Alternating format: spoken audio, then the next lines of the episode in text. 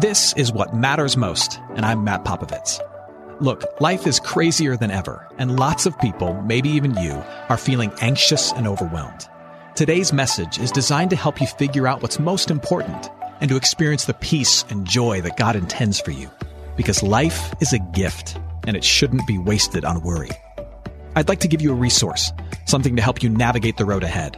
Just go to mattpopovits.com, click on the icon, and we'll send it to you.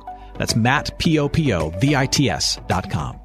And hey, if you happen to live in the Houston area, I'd love to see you on a Sunday morning at St. Mark in Spring Branch. Head to stmarkhouston.org to plan your visit. Here's today's message. Thanks for listening. So as you get there, let me give you a definition of what it means to be sustainable. Strictly speaking, that word sustainable means this. It's something that can be maintained and defended. If something is sustainable, it can be maintained and defended. For example, a sustainable process is one that isn't going to crack and crumble in short time or run out of gas. It's a process that can be maintained and it can continue. It's also an approach or an attitude that is proven to be logical and faithful and worthwhile and that won't lose its legitimacy in the end. Something that's sustainable is something that can be maintained. It can go for a long time without running out of gas and it can be defended. It's defendable as a worthwhile endeavor. All right? There's a group called CareerCast, and every year they put out their annual list of the most stress free and satisfying jobs for the upcoming year. And they just released their, their list of the stress free, satisfying jobs uh, for this new year. And they, they judged their jobs as being stress free and, uh, and satisfying based on a definition of sustainability. How can one maintain that job? In other words, can you do this job for the long haul without dying, right? And also, can the, can the good that this job delivers be defended? Does it provide a legitimate good to somebody else? Is it worth doing? And number one on their list for this year of, of, of fulfilling and stress free jobs was audiologist. I was surprised too. But here's how they defended that. They said it's a job that can easily be maintained because think about it. Your job exists, consists of this. Raise your hand if you can hear the beep. And you can do that for a long time. And you don't need a boss hovering over you in order to do that. So you're independent and it's maintainable. You can do it for the long haul. Plus, you're adding a great good to this world. You are helping people to hear. You are having one of their senses come alive. And so there's a deep sense of satisfaction every day as you walk away from that job. But the way they measure it is on a scale of sustainability. How long can you do it? And in the end, can you defend it? Did you add any good to the world? And they said for this year, that's the number one job. So everybody quit your job and go help people listen for the beep, right? Here's what I want to offer to you. I want to offer to you this. That many of us are living unsustainably in some area, if not several areas of our lives. And when I say we're living unsustainably, here what I, here's what I mean. There's an area of our life with the manner in which we're living cannot be maintained or defended. It cannot be maintained forever. You are like spending too much. Maybe that's your area. Or you are saying yes way too much, or you are working too much, and you are living at the red line of your abilities in that area all the time, and it can't be maintained forever. It's going to break down and crumble at some point. And for reasons that when you press on them can't really be defended. And you may say to yourself, well, the reason I spend is because I really, really need this thing. Do you? Or the reason I say yes all the time is because I can't really let these people down. Can't you? Or, you know, I work a lot, but it's only for a season. Is it? It's a long season. Well, I do it for us. It's for my family. Really? Let me ask them. You're living in some area in such a way that can't be maintained because you're living at the red line and your energy will run out or the system will fall down and in a way that can't be defended. The reasons don't stand up in the end. And when we, when we realize this, the next question that comes to the table is this why? If this is true for us, that some area of our life is being lived unsustainably, the question is why? And, and what we're going to come back to over and over again in this series is this that I believe, and I think the scriptures point us in this direction, that one of the reasons we are willing to live unsustainably in different areas of our lives is this fear. Fear. You know what the greatest fear in this world is right now? It's not that you would die.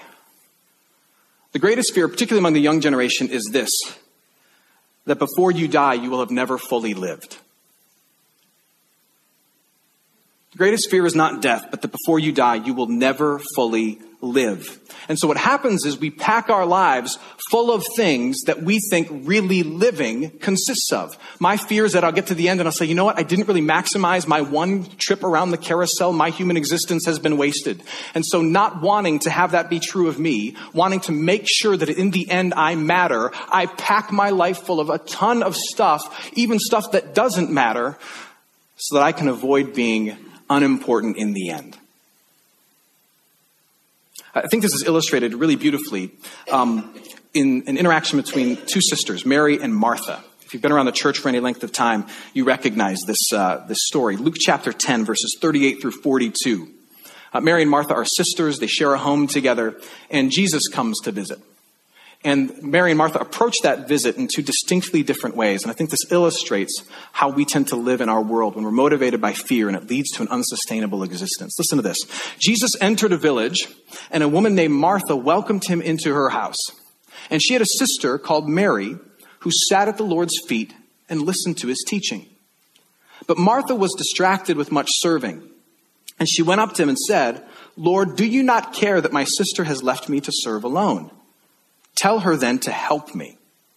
But the Lord answered her, Martha, Martha, you are anxious and troubled about many things, but one thing is necessary. Mary has chosen the good portion, which will not be taken away from her. Now, in this interaction, you have Jesus, who's pretty important, and you have two sisters. And they're both trying to maximize the visit of Jesus. They both want to make the most of his arrival, of this opportunity they've been given. But they approach it in two very different ways. One sister sits at his feet. The other sister, Martha, runs around like Martha Stewart on meth, and she's crazy trying to accomplish everything, and she does accomplish a ton. But the other one, Mary, she recognizes that God is in the room, that something important is happening, and she says, I'm going to reprioritize and reorient my moment around Him. And there's an irony in this story that in fearfully trying to wring the most out of this moment, Martha pushes herself away from the meaning and the blessing in that moment.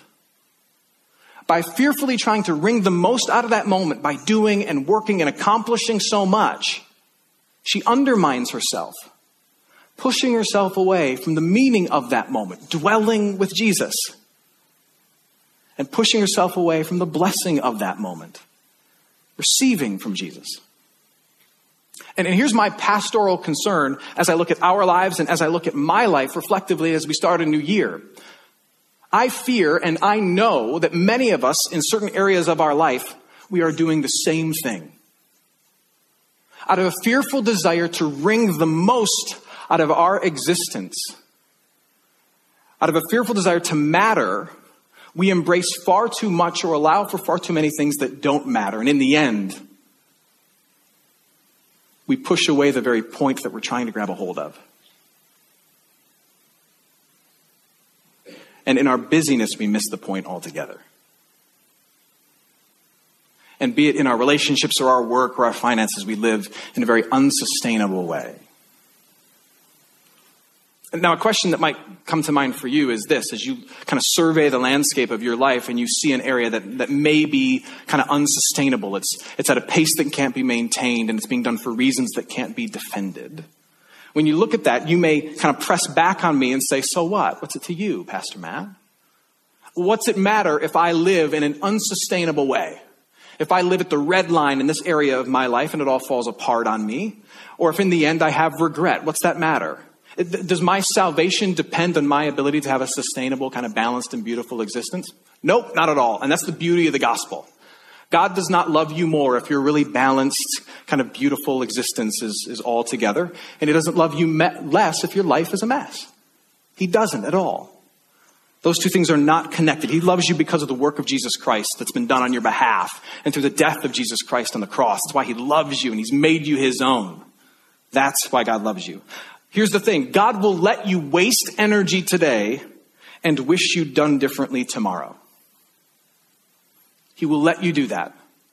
God will let you waste energy today, miss the point completely, and wish that you had done differently in the end. He'll let you do that. But here's the question Do we want to do that? Is that what we want?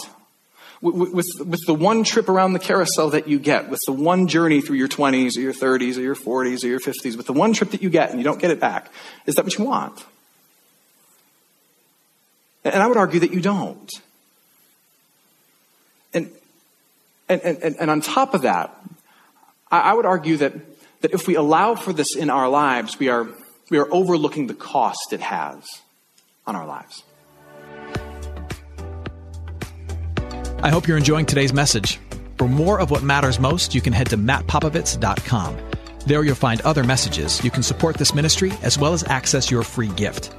Oh, and if you're looking for a local church and you live in Houston, come and see what's happening at St. Mark Houston. To plan your visit, head to stmarkhouston.org. Thanks for listening, and back to today's message. Here's what I would, I would say to you that when we live in an unsustainable way, three things happen to us. And this is just kind of basic first article, how God has wired the world to work truth. When we live in an unsustainable way, three things happen to us. Number one, and this is not stuff that is new to you. You know this, but just a reminder for what's at stake for us when we live in an unsustainable, kind of uh, ungod glorifying way. Uh, first thing, our stress increases. You know that feeling of angst when you're running late for an important meeting and the train you're on decides to go slow? That feeling of wanting to like put your fist through the, through the window, right? Or grab a hold of the person next to you and strangle you because you're lacking all control and you know that you're going to be even later than you thought before. That feeling right there, that feeling is stress. And stress forms in our life when we have no margin, no, no area for error in our life. When our life is so full that we know that there is no room for any mistake. When you are so spent financially that you know you can't have one unexpected bill. Because if you get one unexpected bill, the whole house of cards falls apart. That fear and waiting for the other shoe to drop, that's stress. Or that you're so dogged with work that you can't, you can't have your, your, your wife, your husband, uh, your significant other kind of passively aggressively ask you for a date night because you've got no time to give. Or you're so overextended in a relationship that you can't have one person ask you for one more favor that you're going to feel obligated to f- say yes to. When you're living with stress, it's like you're living as an, an overstuffed suitcase. You're closed, you're zipped up, it's locked, but it's so overstuffed, you know that if something moves around inside or somebody tries to put another thing in, that you're going to explode. There's no margin, there's no room for error. And when stress increases, intimacy suffers. Relationships are what suffers. There are two things that any relationship needs. A relationship needs space on the calendar and space in your mind. And when you're stressed, those are the last two things you have to give. You don't have any space in your calendar because all your time is focused on dealing with what seems to be the most pressing thing in your life, the financial burden. And when that's the most pressing thing in your life, you also don't have any mental energy to give to anybody else. Your mind is always thinking about that thing. Even when you're present with your family, your, your mind is away thinking about this other thing, which is why your girlfriend looks at you and says, why do you, hello, I'm right here. Why do you seem so distant? Or why are you always checking your phone? When stress increases, relationships suffer, intimacy suffers this way with other people and this way with God. And when stress increases and intimacy suffers, in the end, character cracks. Character cracks. When you stretch the suitcase long enough, the integrity of the seams and of the zipper become compromised. And it's just a matter of time before it kind of all falls apart. And because you have no one close enough to you, because your relationships are struggling, you have no one close enough to you to call you out on it or to help you out with it, things just eventually erupt. They erupt into a burst of anger or a nervous breakdown or the emergence of a secret and unhealthy habit that forms as a release for you on the side. When we live in an unsustainable way, in the end, stress increases, relationships suffer, and character cracks. Every time. That's what's at stake. one of my good friends, uh, a guy that's, uh, that, that, that I, I, really just love dearly, and, and I'd served as kind of a mentor in his life, still do, and, and, and as he was kind of getting on, getting on in his career and forming a family, we would kind of walk together, and, and I would help him and counsel him in some things. And he was really struggling with some things. Um, and I remember that when he kind of first dove into his career and he started to become pretty successful, um, his career was quite demanding. He was getting really well paid for it. It was the same time that he had a second child. And he has a beautiful young wife and two young kids. But the pressure of trying to manage both of those things was way, way too much for him. And despite our conversations and despite our, our, our my advice and our prayers together, he was really, really struggling. Uh, he had no ability to say no to his boss. He felt like he had no ability to do that. And also come home and instantly flip the switch and be a dad. And he would not let hardly anybody in on this stress and this inability to balance all of this stuff. And so the only outlet he finally confessed to me that he had is that he, he confessed that he would come home from work and he would turn his truck off and kind of stroll into the driveway so that his wife couldn't hear him come into the driveway. And then he would sneak into the garage. And for the first 20 minutes of being home, he would just get high. And that was his way of calming all the fears, all the worries and tuning out and trying to get into a place where he could walk in, flip off work, and try and be a dad. Now, God will let us live in an unsustainable way. He will let us do that. But is that what we want? And is that what we were created for? And that was my constant question for him. When you look back, is this way of managing your life going to be defendable at all and worthwhile. So, what's the alternative? What's the different approach? Well, well, well I'm glad you asked. Let me give the answer. Um, uh, here's kind of the framework for, for what a sustainable existence looks like that we're going to talk about over the next several weeks. And so I want you to hold on to this because we're going to take this as we address different issues. This is the framework we're going to use. Um, what's interesting to me is that before Jesus walked in with Mary and Martha, and he saw Martha just fearfully trying to wring the most out of life and overburdening herself, and then Mary sitting on his feet and, and making the proper um, choices so that she can sit at his feet and enjoy Jesus. Before Jesus walks into that moment, he is confronted by some scribes scribes and some theological opponents who ask him this question. They quiz him on the best way to live life. They essentially ask him, What's the most God honoring way to live? And here's Jesus' answer. We just read this a moment ago. One of the scribes came up and asked Jesus, Which commandment is the most important of all? And Jesus answered, The most important is, Hear, O Israel, the Lord our God, the Lord is one. And you shall love the Lord your God with all your heart, with all your soul, with all your mind, and with all your strength. And the second is this you shall love your neighbor as yourself. There is no commandment greater than these. And the scribe said to him, You are right, teacher. You have truly said that he is one and there's no other besides him, and to love him with all the heart and with all the understanding, with all the strength, and to love one's neighbor as oneself is much more than all the whole burnt offerings and sacrifices. So, in other words, um, both Jesus and his theological enemy agree that the point of life is this to live as a child of God, loving him with all that you have, and loving others as you yourself would want to be loved. That was Jesus' response.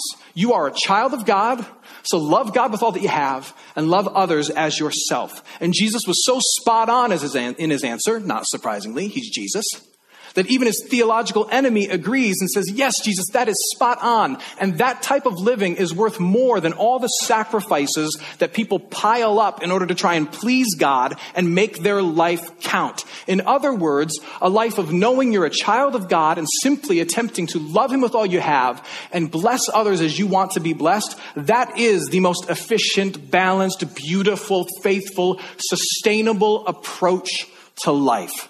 Period.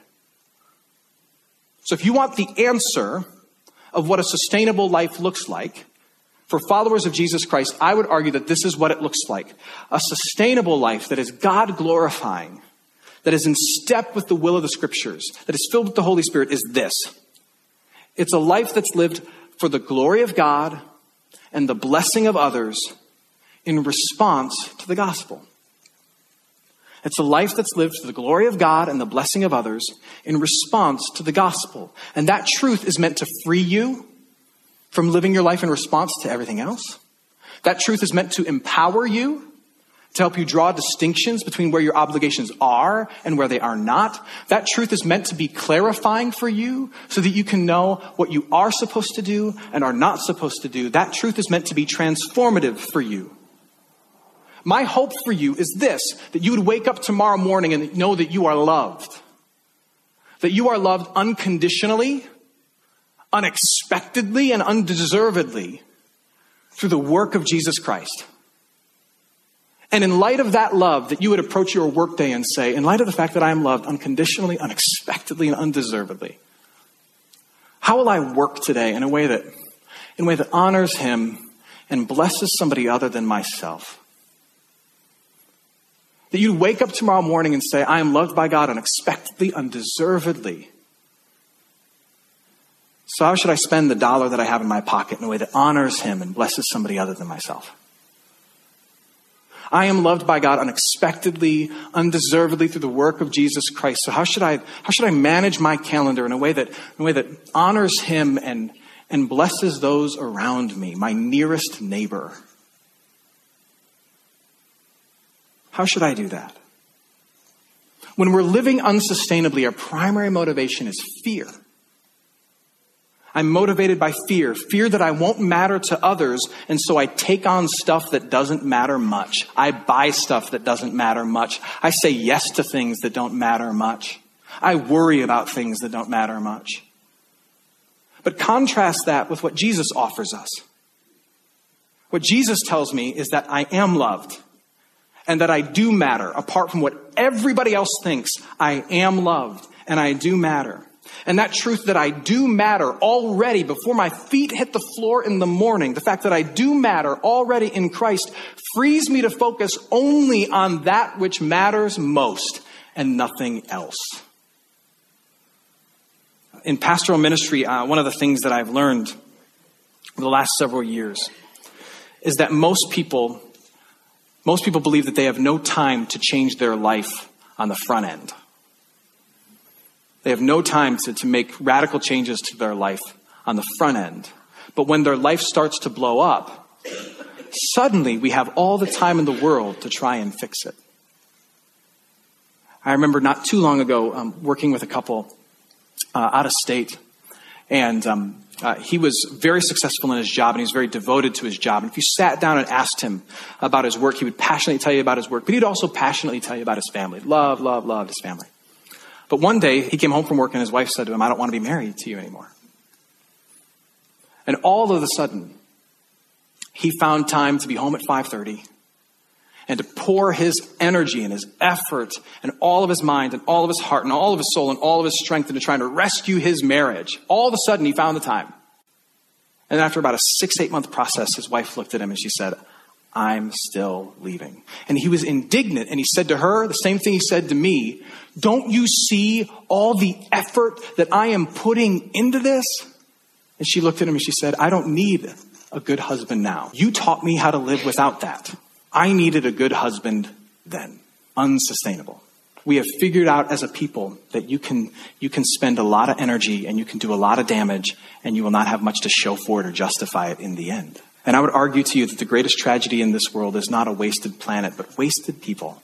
And that you do not have to live in an unsustainable way, but rather that we can live in a way that reflects the fact that we don't have to earn love, but we are loved. And given the fact that I am loved, I can make decisions and manage my life in such a way that in the end, here's all that matters God is honored and others are blessed and my needs are met and that there's freedom and joy and beauty and balance in that, and that that's the life that God has called us to live. Hey, it's Matt. I hope you enjoyed what matters most. Here's what I need you to know life is a gift, and it shouldn't be wasted on worry. I want to help you figure out what's most important and to experience the peace and joy that God intends for you. So for more content, you can head to mattpopovits.com. That's Matt, P-O-P-O-V-I-T-S dot com. There you can also support this ministry as well as access your free resource, a little something to help you navigate the road ahead. I'd also love to see you on a Sunday morning. If you're in the Houston area, head to stmarkhouston.org to plan your visit. In the meantime, hit me up on Instagram at mpopovits or at facebook.com slash Matt Popovits Ministries. Thanks for listening. Now go and hold tight to what matters most.